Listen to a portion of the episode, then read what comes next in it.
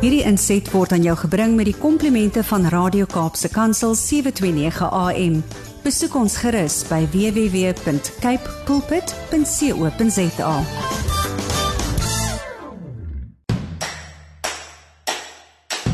Op hierdie laaste dag van 2022, die 31ste Desember, is jy ingeskakel op Radio Kaapse Kansel.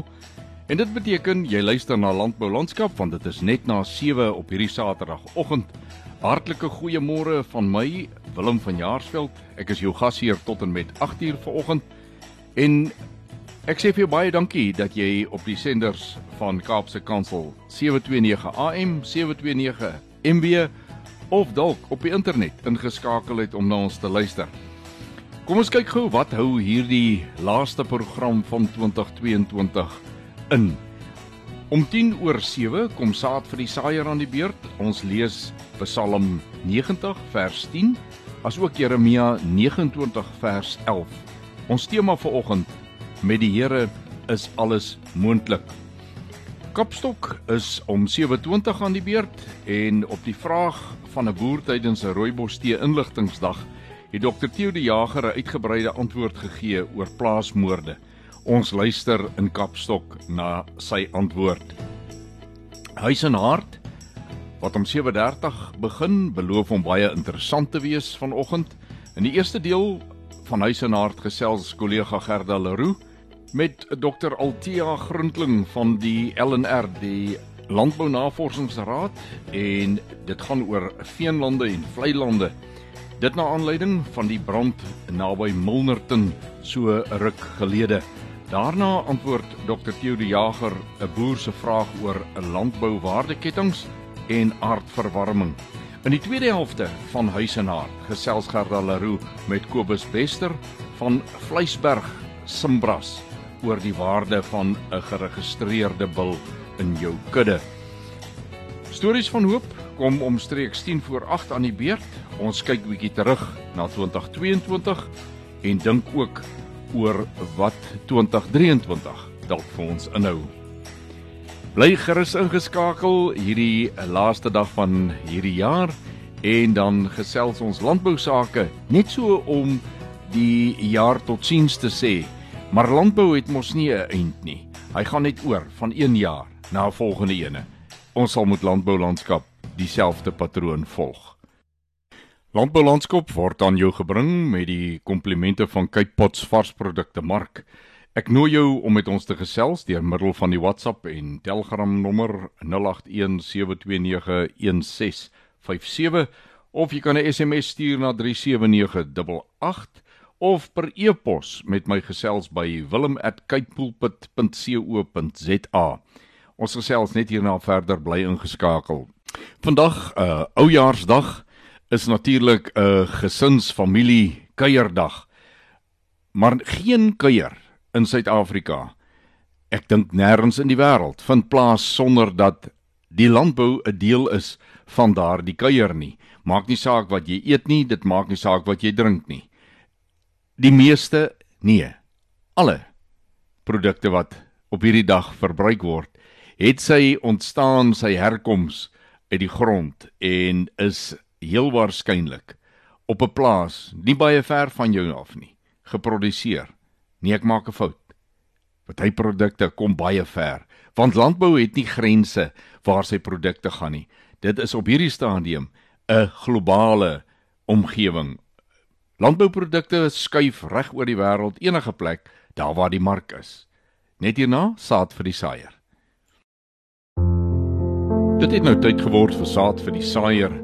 En vanmôre se tema met die Here is alles moontlik. Gaan ons lees Psalm 90 vers 10 as ook Jeremia 29 vers 11. In Psalm 90 vers 10 staan: Die dae van ons jare, daarin is 70 jaar of as ons baie sterk is, 80 jaar. En die uitnemendste daarvan is moeite en verdriet, want gou gaan dit verby en ons vlieg daarheen. En dan Jeremia 29 vers 11 want ek weet watter gedagtes ek aangaande julle koester, spreek die Here, gedagtes van vrede en nie van onheil nie, om julle 'n hoopvolle toekoms te gee. Nou as jy na Psalm 90 vers 10 luister, dan uh, klink dit half asof daar 'n negatiewe toon is. Uh dit die meeste van ons daar wat so vinnig verbygaan is moeite en verdriet en maar jy moet dit 'n bietjie weer lees. Hy sê dis moeite en verdriet, maar dit gaan baie gou verby en ons vlieg daarheen na die einde van hierdie dae. Ons beweeg vreeslik vinnig daar na toe. Nou hierdie jaar het ook verby gevlieg En die vraag wat mense altyd vra of dit die einde van 'n jaar, 'n week of jou lewe is, wat het ek daarmee gemaak? Wat het ek in die beskikbare tyd gemaak? En dan wil ek daarby Jeremia 29 vers 11 aansluit, want die Here praat daar en hy sê ek weet wat se gedagtes ek aangaande jou het, gedagtes van vrede en nie van onheil nie, om julle 'n hoopvolle toekoms te gee. Dis bemoediging. Dis wonderlike woorde as jy mooi daaroor dink. Ons staan aan die einde van 'n jaar. Ja, ons kan terugkyk na wat gebeur het. Maar ons weet nie wat voor lê nie. Ons kan wens hê, ons kan hoop hê, ons kan aldies meer hê. Ons moet hoop hê. Want die Here beloof ons 'n hoopvolle toekoms. Dit gaan oor, gaan jy vandag 'n jaar afsluit alleen sonder die Here of gaan jy dit met die Here doen? Gaan jy môre 'n nuwe jaar begin met die Here of sonder die Here? Die keuse is joue. Ons elkeen maak daai keuse. Ek dink dis wys om vandag te besluit. Ek sal met die Here heel die pad gaan want hy het die beloftes in sy hand. Kom ons bid saam. Vader, ons dankie in Jesus naam vir 'n voorreg om U te ken deur die verlossingswerk van Jesus. En ons sê vanmôre baie baie dankie. Daar's 'n jaar verby. Ons weet wat in die jaar was, maar ons weet ook dat dit net U genade, U liefde en U hand is wat ons gebring het tot waar ons vandag aan die einde van hierdie jaar kan staan. Here, dis ons gebed dat wanneer die volgende jaar môreoggend begin, dat U ook weer so saam sal gaan en dat ons saam met U sal stap in U weë, in U spore sal wandel. Ons bid dit in Jesus se naam. Amen. Ons staan midde in die groot feestyd van elke jaar die Kersgety, die tyd wat families bymekaar is waar 'n mens bietjie die skanse laat sak, bietjie die remme losmaak en mens geniet mekaar die lewe en sommer net die samesyn en kuier. Maar is ook in hierdie tye wat baie families in daai feesvierende omgewing ook baie kwesbaar is waar die vyand nie rus of duurte het nie en kyk waar kan hy families 'n uh, baie seer slag toedien. Dit gaan oor plaasveiligheid en ek bid vir môre vir elkeen wat luister en julle families dat in hierdie tyd julle veilig sal wees en dat die hand van die Here oor julle sal wees dat ons altyd altyd by hom sal skuilings vind. Ons luister net hierna na Kapstok en dit gaan oor plaasveiligheid. 'n Boer vra op 'n vergadering die vraag oor plaasmoorde aan Dr. Theo de Jager en wat is sy siening daaromtrent waarom die saak nie eintlik opgelos word. Dit lyk asof daar niks aan gedoen word nie. Hier volg die antwoord wat Dr. Theo de Jager aan die boer aangebied het by daardie geleentheid. Ehm um, weet julle as jy plaasmoorde gaan Google dan sien jy bitter bitter min daarvan in Engelse media. Die Engelse media rapporteer nie daaroor nie. En as gevolg daarvan weet die wêreld nie daarvan nie. Ek was by die Verenigde Nasies se algemene jaarvergadering in 2018 toe Ramaphosa die dag daar gesê het plaasmoorde bestaan nie. Ek het ek het tussen daai kameramanne gestaan. En ek het gesê dis nonsens. Daar's 'n plaasmoord gemiddeld elke 5de dag. En vir 20 jaar is dit die gemiddeld, elke 5de dag. So min of meer 72, 74 plaasmoorde in 'n jaar. En van die joernaliste daar het dit gehoor. En ek trots daarop dat ek meer ehm um, media ehm um, gesprekke gehad het, onderhoude gehad het as wat die president gehad het daaroor. En ek het besef maar ons sal die woord moet uitkry daar buite. Die wêreld moet weet. Elke plaasmoord wat wat 'n ou op sosiale media aankondig in Engels en wat reaksie kry, beteken net dat daar groter druk is. Nou is daar's natuurlik 'n geweldige teenstand, veral op Twitter, minder op Facebook maar maar veral op Twitter. En dan as 'n ou die Engelse joernaliste konfronteer, dan is hulle houding altyd moord is 'n algemene probleem in Suid-Afrika. Plaasmoorde is nie spesiaal nie. Daar word maar 72 73 boere in 'n jaar vermoor. Wat van die Kaapse vlakte? Daar's die moordsyfer baie hoër. Nou dit is so. Onthou daar's baie meer mense op die Kaapse vlakte as wat daar boere is. So die verhouding in plaasmoorde is groter. Maar daar's drie goed wat plaasmoorde anders maak en waarop ons die heeltyd hamer veral in ons kommunikasie na na buite toe. En touchwood, ek het in my loopbaan nie 'n geleentheid gemis om die kwessie van plaasmoorde en die kwessie van vergoeding vir die Zimbabweërs te aan die orde te stel in die buiteland nie. Hierdie drie goed. Eerste is plaasmoorde word geroep. Kill the farmer, kill the boer. Niemand sê kill a bendelit. Vermoor iemand op die Kaapse vlakte nie. Daar's geen aanhitsing vir ander moorde soos wat daar 'n aanhitsing is vir plaasmoorde nie. Geen ander soort moord gaan gepaard met die brutaliteit en die marteling as wat plaasmoorde mee gepaard gaan nie. In die tyd toe ek president was by Agri Limpopo, was ek op elke toneel in my tyd. Ek dink ou Willem was op baie meer tonele as as wat ek was. In daai die gruisaamheid van daai tonele maak dat 'n mens nie slaap nie. Dis nie so in bende geweld of in gesinsgeweld of so nie. En dan na die tyd het jy nie hierdie applous nie. 2 weke gelede se plaasmoord ehm um, daar in Groblersdal. Toe ek op Twitter sê hier's nog 'n boer wat vermoor is. Toe's daar oor 1000 wat sê ja, julle het mos die grond gesteel. Julle stel mos Zimbabweërs aan op julle plase. Mooi so, ons soek meer daarvan. En daar's nie gevolge daarvoor nie. Niemand word gearresteer omdat hy 'n applous gee daarvoor nie. So daai drie goed maak dat plaasmoorde nie net gesien kan word as 'n verlengstuk van algemene kriminaliteit of weghol moordstatistieke in ons land nie. Maar dit is ons taak om die goed aan die groot klok te hang. Ons moet leidrigtig wees daaroor. As dit daar nie buitelandse druk is nie, dan sal die ding nie stop nie. Die die, die polisie kan dit ook nie regkry nie. Die weermag gaan nie regkry nie. 'n Ou moet dit regkry maar deur privaat inisiatief, deur deur plaaswagte, deur patrollies. In my vallei ry almal wat onder 45 is, ry ry patrollies. Die res van ons is op die radio's.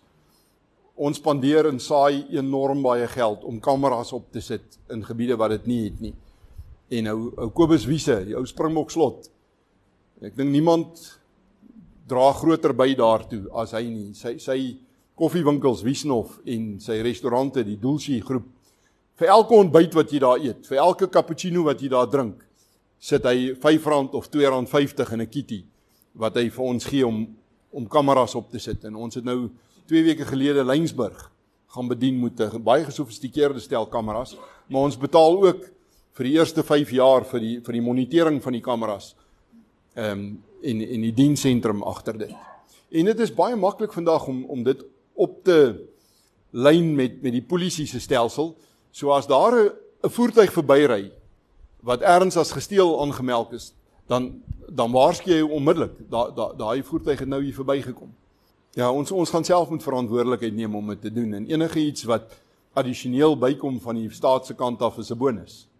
Ons is amper by Huis en Hart en ons gaan na hierdie gesprek wat ek met jou het, gaan ons gou-gou eh, 'n uh, breek vat en dan begin ons met Huis en Hart wat vanmôre 'n redelike vol Huis en Hart is met nie minder nie as 3 uh, gesprekke in in die tyd geleef.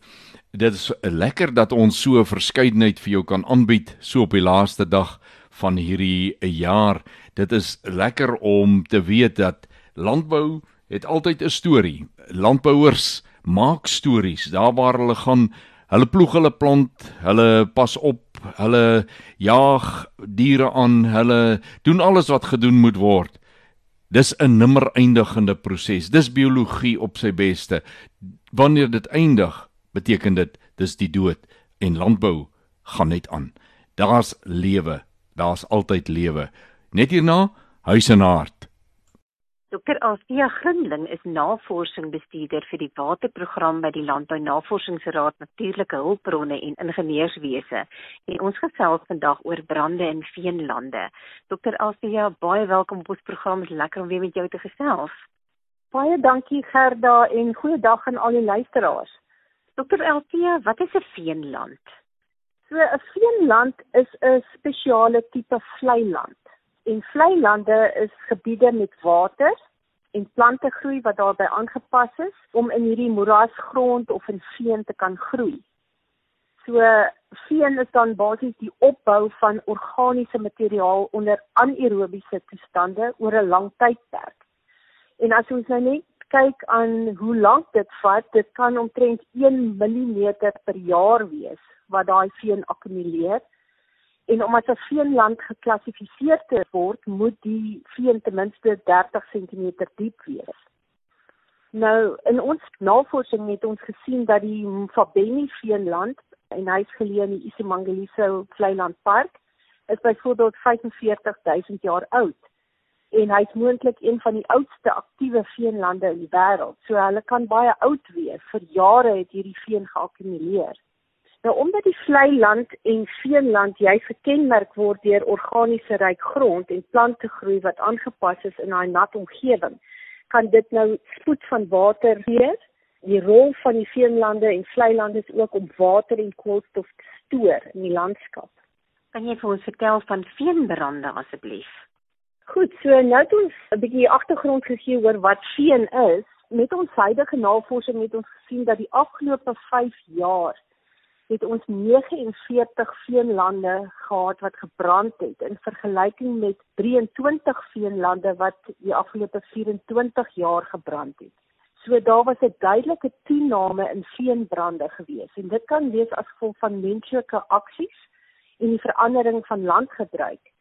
So dink maar aan grondwateronttrekking, dit kan wees deur plantasies of besproeiing En dan het ons ook deur die droogtes gegaan, die 1991 tot 95 droogte, die 2015 tot 2016 droogte en daai kon ook 'n invloed gehad het op veenbrande in sekere van die streke.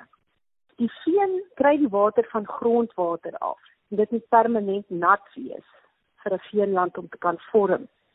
So wanneer daai grondwatertafel verlaag, dan droog die veen uit daai organiese materiaal en dit vorm krake en dan kan dit baie maklik brand. So die groot probleem wat ons het is wanneer hierdie veenlande brand, dan gaan dit ondergronds en dit kan vir maande brand. Kan jy vir ons verduidelik wanneer veldbrande negatiewe impak op vleie en veenlande kan hê? Nou, kom ons kyk net bietjie die geval van die onderus veenland in die Hemel en Aarde Vallei. Daar het 'n veldbrand veroorsaak dat die veenland brand in areas waar die watertafel gesak het. In daai geval, dit kon gesak het as gevolg van die erosie, daar was ook indringerplante in die veenland. Maar in die geval byvoorbeeld van die onlangse brand by die Rietvlei, Vleiland Reservaat daar tussen Milnerton en Blouberg. Dit is nie 'n veenland nie, maar daai brand het net die rietbedding gebrand. So Ons moet net onthou dat ons landskap is maar vuur gedrewe. So die brande in vlei lande is nie 'n probleem as die watertafel hoog is nie. Wat dan gebeur is die vuur brand is bo die oppervlak en dit kan nie die veen of die organiese laag beskadig nie. Ok ja, ek weet ons praat nou oor veenlande, maar ek het ook net 'n vraag oor vlei lande. Kry jy nie verskillende soorte vlei lande? O ja, In ons klassifikasie werk ons met die ek gaan nou in Engels sê hydrogeomorphic classification system. So daar kyk jy na die landskap. So in daai klassifikasiesisteem het jy 'n uh, vallei bodem of met 'n kanaal of sonder 'n kanaal wat 'n vlei kan hê. Ook 'n vloedvlakte kan vleie hê en dit is gewoonlik waar jy daai rivier kry wat meander So nie al die vlei lande is permanent nat nie. Ons kry seisonale stelsels ook. En hulle is ook vlei lande. Kom ons kyk byvoorbeeld na panne. Dit is ook 'n tipe vlei land stelsel. Hy's 'n depressie, hy's 'n pan, maar sekere van ons panne is permanent nat en ander is net seisonaal, maar hulle word ook geklassifiseer as vlei lande.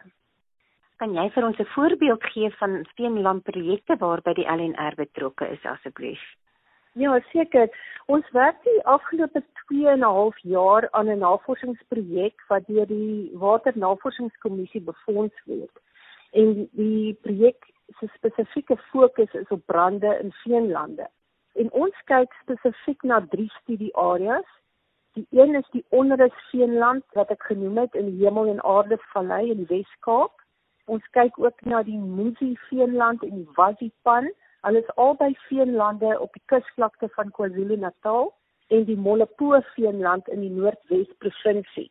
So dis verskillende provinsies, verskillende geologie, verskillende plantegroei, byvoorbeeld die onderus een het palmiet, die Musi en Wazi en die Molopo het riet gedomeineerde stelsels. In al drie areas het hierdie veenlande gebrand en dit was as gevolg van 'n verlaging van die grondwatertafel. So ons bepaal uit hierdie studie hoeveel veen het verlore gegaan en dan moet ons aanbevelings maak vir rehabilitering en die bestuur van hierdie stelsels. So die LNR vir ons is dit baie belangrik om dan saam met die grondeienaars te werk. Die grondeienaars is die bewaarders van die land en moet verantwoordbaar wees. So hierdie projek is byvoorbeeld waar ons hande vat om oplossings te kry. So die LNR sorg vir die wetenskaplike ontwerp en die interpretasie van data. Byvoorbeeld ons het 'n PhD en meester student wat op hierdie stelsels werk en dan die Oeversand munisipaliteit, die Noordwes parke, Isabella KZN, hulle almal verskaf logistieke ondersteuning En dan die boere, byvoorbeeld in die geval van onrus, het vir ons ook van hulle hulpbronne geskenk soos pype wat ons dan gebruik in watermonitering netwerk van daai veenland. En terwyl is in Bellu en Sion help met die watermonitering en KZN is daar ook die nie regeringsorganisasies wat vrywillig help met veldwerk en monitering by onrus. So dit is net 'n mooi voorbeeld van hoe ons almal saamwerk as 'n span tot voordeel van die hulpbron. Maar terselfdertyd ondersteun ons ook en versterk ons die kennis van hierdie stelsels wat ons bitter min van weet. So ons leer eintlik elke dag nog 'n bietjie. Althea baie dankie vir die ekstra tree wat julle loop in hierdie bewaring van ons vlei en veenlande. Dankie vir julle harde werk. Waar kan ons luisteraars julle kontak as hulle meer inligting wil hê of as hulle dalk julle hande wil sterk maak? So hulle kan gerus vir Adri laas kontak en ek gaan haar e-posadres net vir jou lees. A D R I L by arc.agric.za Tydens 'n onlangse inligtingsdag van Rooibos tee produsente het een van die boere in vraatyd vir die gasspreker Dr Theo de Jager 'n vraag gevra oor die belangrikheid van aardverwarming maar ook oor hoe mens die grondvrugbaarheid en hoe ons grond bemes en behandel in verband bring met aardverwarming. Die volgende is dan die antwoord wat Dr Theo de Jager op hierdie vraag gegee het. En die enigste krag wat 'n waardeketting in landbou trek, is die mark, is die verbruiker. Die heel belangrikste persoon buite in ons gesinne in die lewe van 'n boer is 'n vrou wat voor 'n winkelrak staan en besluit wat haar gesin vanaand gaan eet. Ons kan net produseer wat sy sou kies. En kompetitiwiteit gaan oor hoe beïnvloed jy haar keuse? Want sy koop allereers met haar oë. Nou op die ander punt op die markkant is daar drie belangrike goed wat haar keuse beïnvloed. Prys is vir die meeste mense die belangrikste. En hoe armer die mark is, hoe belangriker is prys en beskikbaarheid. Dis eers as jy in die middelklas ingaan, as jou mark in die middelklas is, wat hulle meer omgee oor die gesondheidswaarde, die die voedsaamheid, die mengsel op die bord, en dan in die bopunt van die mark, in die ryk deel van die mark, vra hulle al hoe meer en meer kritiese vrae oor hoe is dit geproduseer. Hulle wil 'n QR-kode scan met hulle selfone en dan wil hulle sien hoe is hierdie vark behandel voor hy geslag is. Wat se kunsmis en wat se spuitstowwe is aangewend in hierdie produksieproses. Wat was die voetspoor van hierdie produksieproses op biodiversiteit, natuur, klimaat en al dies meer? Nou hierdie afgelope kop was my 12de een al. Ek sal ek sal een van die dinosourusse daar. En na 12 kops het ek meer vrae oor klimaatswetenskap as wat ek antwoorde het. Ek gaan nooit my nek uitsteek en sê ons moet op 'n ander manier boer want dit verander die klimaat nie. Ek sal nooit vir vir boere kan sê dat die beeste in in Nieu-Seeland is besig om ons klimaat te verander nie en daarom moet hulle nou belasting betaal of die Hollandse beeste moet nou die helfte minder raak oor die klimaat nie. Maar wat ek wel kan sê is dat elke jaar is die gemiddelde temperatuur 'n bietjie warmer. Nou al oor die oor die oor die afgelope 20 jaar. Iets is aan die verander. Toe ek 'n kind was, onthou ek die die geelperskereen by my oupa se plaas. 'n Mens kry dit nie meer nie. Dinge het nou al verander. Maar as jy sê klimaatslim boerdery in Amerika, dan hoor ons kollegas daar, die boere in Amerika hoor politiek, hulle hoor Al Gore en hulle wil niks daarmee te doen hê nie. En hier in Suid-Afrika as jy vir 'n ou sê jy moet klimaatswys boer, dan is die algemene gedagte nou as ek my bes doen, as ek alles reg doen op my plaas, maar my buurman doen niks, dan kook dit af tot niks, want die klimaat dek ons almal. Maar meer as 90% van wat 'n boer kan doen aan biodiversiteit en natuurvriendelikheid en klimaat doen jy in jou grond. Dit gaan oor die lewe in die grond. Daar's meer spesies van lewe in 'n vuisvol grond as wat daar ooit mense op hierdie planeet gelewe het. Biodiversiteit begin daar onder die grond. En nie, niemand is meer verantwoordelik daarvoor as die boer wat op daai stuk grond is nie. So ons loods nou in saai volgende jaar 'n veldtog in Maart of April. Nadat ons nou met boereverenigings op boere landbouunies oor die hele wêreld hieroor gekonfereer het en gesê het loods dit ons loods dit hier by ons na rol ons dit uit na die Argentynë, na die Franse, na die Italianers, die Nieu-Seelanders toe. Dis 'n boer tot boer pakt. En julle gaan iets daarvan sien in die media. Ons het so twee paragrafies geskryf. Dis 'n halwe bladsytjie. En basies sê daai daai twee paragrafies dit. Ek Theo beloof aan al my medeboere. Dis nie wetgewing nie, is nie 'n regulasie nie. Dis 'n 'n onderneming teenoor my portuïergroep boere. Ek beloof dat ek hierdie lappie van die planeet wat vir 'n baie kort tydjie aan my toe vertrou word. Want dit was hier miljoene jare voor my. En ek gaan lank nie meer hier wees nie, dan gaan my plaas nog daar wees. Ek beloof om die grond op hierdie stukkie aarde in 'n beter kondisie aan die volgende boer oor te gee as waarin ek dit gekry het. En as 10% van die wêreld se boere dit doen, dan slaan ons 'n groot duik in biodiversiteit. Ek gesels met Kobus Bester van Vleisberg Simbras. Kobus, hartlike welkom. Goeiedag Gerda en goeiedag ook aan al die luisteraars. Kobus, wat is die impak van 'n bil in jou kudde? baie keer in Suid-Afrika is in 'n kudde opboufase na afloop van die kwaai droogte wat ons gehad het. So daar is werklik, wil ek sê, 'n dryf onder baie van ons kommersiële as ook in baie gevalle ook stoetprodusente wat besig is om kuddes te bou en die impak wat 'n bil op 'n kudde het, is van absolute geweldige en onskatbare waarde. Dit is dan ook die rede waarom ons baie versigtig en baie fyn moet beplan oor watter bil jy gebruik, nie net in terme van die ras nie, maar ook oor watter eienskappe daardie bil beskik. Uit navorsing wat ek gedoen het by kuddes waar ek myself ook betrokke is, het ek byvoorbeeld gevind dat na 4 beesgenerasies het een spesifieke bil se genetiese bydrae so hoog as 73% van totale vroulike kudde uitgemaak. En wanneer jy dit dan in ag neem en jy kyk die geld wat gespandeer word op 'n bil, en die nalatenskap van so 'n ding, dan dink ek dit is 'n absolute enorme bydrae wat op daardie wyse gemaak word. Ek het ook 'n bietjie verder gaan kyk na navorsing wat die Colorado State University byvoorbeeld gedoen het. En hulle het bevind dat uit drie bulle wat gebruik word, kan daardie drie bulle se impak in 'n koeikudde wat hulle genetiese bydrae betref, selfs hoog wees as 87.5%. En ander woorde wat ek vir julle sê is dat 'n bul se bydrae en impak op 'n kudde is van absolute enorme kragtigheid, as 'n mens dit so kan noem. Ek weet nie om dit vir jou sterker uit te druk nie, maar daarom is dit belangrik dat mense die regte bulle moet koop.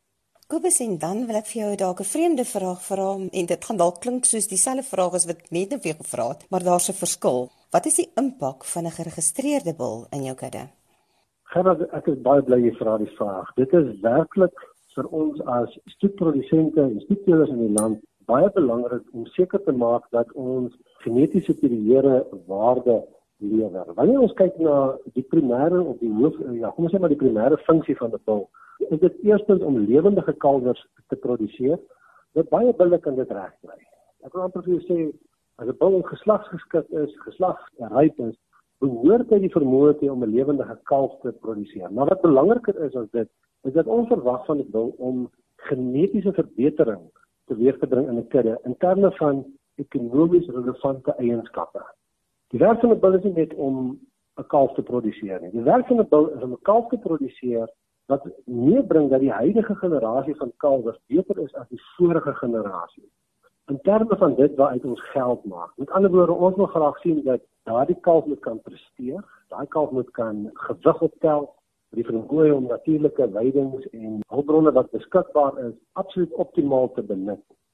Nou deur van geregistreerde binne gebruik te maak en spesifiek wat die Sindra Raad betref, is dit belangrik om daarop te let dat al die binne wat ons natuurlik aanbied en wat geregistreer word of as geregistreerd bemark word, het 'n keuringsproses geslaag. So dit in die eerste plek is vir ons baie belangrik, maar verder wanneer jy kyk na jou keuse by 'n geregistreerde bil, is dit belangrik om in gedagte te hou wat wil ek graag hê moet die bil verander of verbeter in my kudde. 'n Mens koop nie net vandag nie 'n bil wat eintlik weer daar 'n redelike groot belegging is net om 'n bil te hê. Jy koop 'n bil om spesifieke aspekte aan te spreek binne 'n kudde. Dan is daar 'n paar goed wat ek dink wat nogal belangrik is by die keuse van watter geregistreerde bil om te koop. Dit is goed om daarom te weet dat die bil is struktureel korrek en daar is 'n sekere klompie vereistes voldoen, maar ek dink regtig dit is belangrik om na spesifieke aspekte te kyk rondom so 'n geregistreerde bil. Vanaf met jou dalk deel, ek het so tydjie gelede met meneer Willem wat beskagting ook gesels en hy het vir my gesê hy maak gebruik van in Engels praat hy van the three P's In die eerste plek kyk jy na die fenotipe van die dier. Met ander woorde, het die dier wat die fenotipe betref, dit wat ek daarso raak sien voor my, het dit die eienskappe wat ek graag wil hê. Die belangrike ding wat ons moet besef is dat die fenotipe van die dier ooglopend behoort ons 'n aanleiding te gee van of die dier gaan aanpas en werk in my kudde en my omstandighede op my plaas. So dit is iets wat baie belangrik is. En dan en dis hier waar die geregistreerde gedeelte belangriker word. Gaan dit oor die sogenaamde pedigree van die dier. Die stamboom van die dier bevestig vir jou dat daardie dier is wat jy dink hy is. Die feit dat hy opgeteel is uit diere waarvan rekord gehou word, behoort jy op bevestiging te gee dat hierdie dier gaan gee dit wat ek sien. Die spesifieke eienskappe wat jy dan graag in daardie dier wil sien, waarvan jy hou en wat jy dan in jou kudde wil inbring, behoort dan op daai stadium al redelik vas te wees. Dit is waarom 'n stamboom vir 'n teeler eintlik baie belangrik behoort te wees. En dan natuurlik die derde P verwys na prestasietoetsing. Dit is vir ons belangrik, ek het net verwys daarna dat ons ekonomies relevante eienskappe verbeter en daarom is dit vir ons belangrik om diere te gebruik wat prestasie getoets is. Dit is net 'n addisionele waarde dat daardie dier se nageslag sal presteer sodat ons dit graag wil hê en sodat ons graag van so 'n dier verwag. En vir daardie rede dink ek is dit eintlik dan nou baie duidelik en voor die hand liggend dat daar is waarde nut en sin daaraan om 'n geregistreerde dier te bekom eerder as om net 'n bil te kry wat net vir lewendige kalwers produseer. Ons het gesê aan die begin van die program ons gaan in stories van hoop so 'n bietjie 'n terugblik gee op die jaar wat verby is. Ek het daarmee nie bedoel dat ons spesifiek al die gebeure een vir een gaan naspoor nie. Nee, my bedoeling is baie meer dat ons vandag elke een daar waar jy is, so 'n oomblik sal stil staan en kyk na wat het gebeur. Nou ek weet in hierdie jaar wat verby is, het elkeen van ons opdraandes gehad. Daar was op en af. En Ek self moes my vader begrawe. Dit is van die seer wat 'n mens in die lewe het. Maar wanneer ons kyk na 'n jaar wat verby is en jy fokus net op die negatiewe, dan sal ons 'n geweldige fout maak. Want in die lewe van 'n mens as jy dan nou van die sterkes is wat ons in Psalm 90 van geleer het of gelees het, dan is daar 80 jaar en uh party gaan 'n bietjie by dit verby. Maar in daardie tyd, elke mens wat so oud word, sal vir jou sê daar was tye wat ek eerder sonder sou kon klaarkom. Maar die wyses onder ons sal sê daar was tye wat swaar was, wat ek gewonder het hoekom dit daar moet wees, maar wat ek jare later besef het as dit nie was vir daardie tye nie dan sou my karakter nie gevorm het soos wat dit vandag is nie. Dan sou my bydra tot my familie en die omgewing waar ek bly die gemeenskap waarvan ek 'n deel is nie dieselfde kon wees nie. Ek sou armer gewees het maar vanweë dit wat my pad gekruis het het ek soveel meer om te deel. Daar's meer wysheid om uit te deel En daar is 'n beginsel in. Wanneer ons deur die dal van doodskade weer gaan met die Here, dan kom ons ander kant uit versterk, verkoop en baie meer wys as mens. Want ons het in die omstandighede geleer. Ons het in die omstandighede 'n slypproses deurgegaan. As jy dit skoppende, slaanende, swetsende deurgegaan het, het jy gewoonlik niks anders as 'n baie slegte gevoel oor die hele situasie wat jy met jou saamdra vir die res van jou lewe nie. Maar wanneer ons deur swaar tye met die Here gaan, as ons sy voetspore volg, as ons agter hom aanloop, as ons sy stem hoor, as hy die herder is waarna ek as die skaap luister en hom volg, dan vat hy my op paaie wat regtig waar verkwikkend is. Dit is daar waar ons in Jeremia gelees het van die gedagtes van die Here, Jeremia 29 vers 11 wat ons vanoggend ook hanteer het in saad vir die saaier. Die Here wat ons dien, die God van hemel en aarde. Hy het net goeie gedagtes vir ons. Waar dit nie met ons so gaan nie, het die vyand hard probeer om die planne van die Here deurmekaar te krap. Het hy ons op 'n plek probeer uh, kry waar ons teen ons verlosser gaan draai, wil draai, waar jy net meer geen lig sien nie en sê die Here het my in die steek gelaat. Dit gebeur met almal van ons. En dan het dit tyd geword om in daai situasie so bietjie te onttrek van die remoer van die lewe, die vreeslike besig wees en net eenkant in stilte te gaan sit en weer kontak met die God van die leerskare te kry, met hom te gesels, jou posisie te verduidelik en te vra, Here, wat moet ek maak van dit wat nou hier aan die gang is? En die woord is 'n wonderlike kosbare klein noot. Slaan dit oop, lees daarin. Wat sê hy vir jou in daardie oomblik? Ek het soveel getuienisse al gehoor van mense wat sê ek was soos ons in Engels sê down and out. En ek het die woord oopgeslaan en daar het 'n skrifgedeelte amper uitgespring na my toe.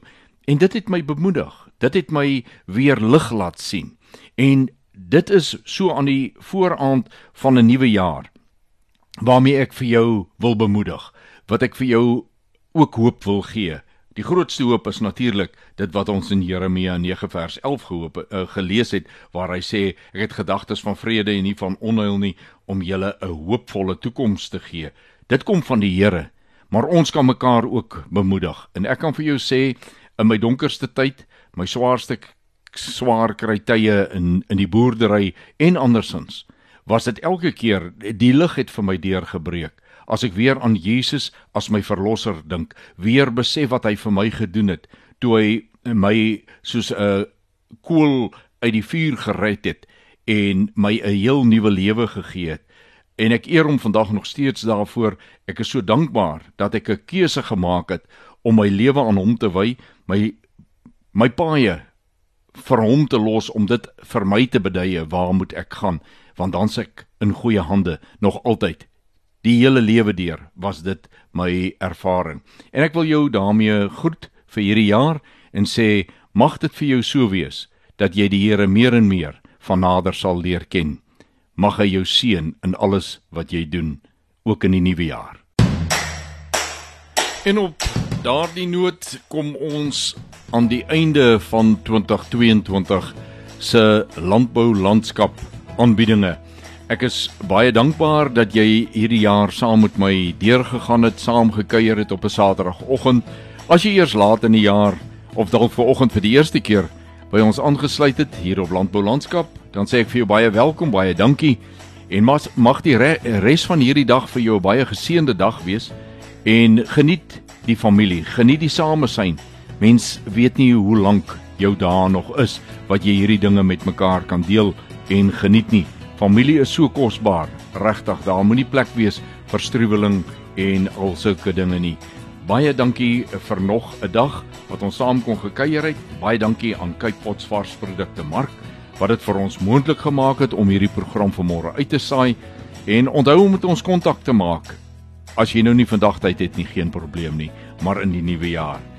Tot ons dan weer saam kuier volgende Saterdag om 7 groet ek Willem van Jaarsveld en mag jy elke oomblik Vader se guns op jou lewenspad beleef. Wederom. Hierdie inset was aan jou gebring met die komplimente van Radio Kaapse Kansel 729 AM.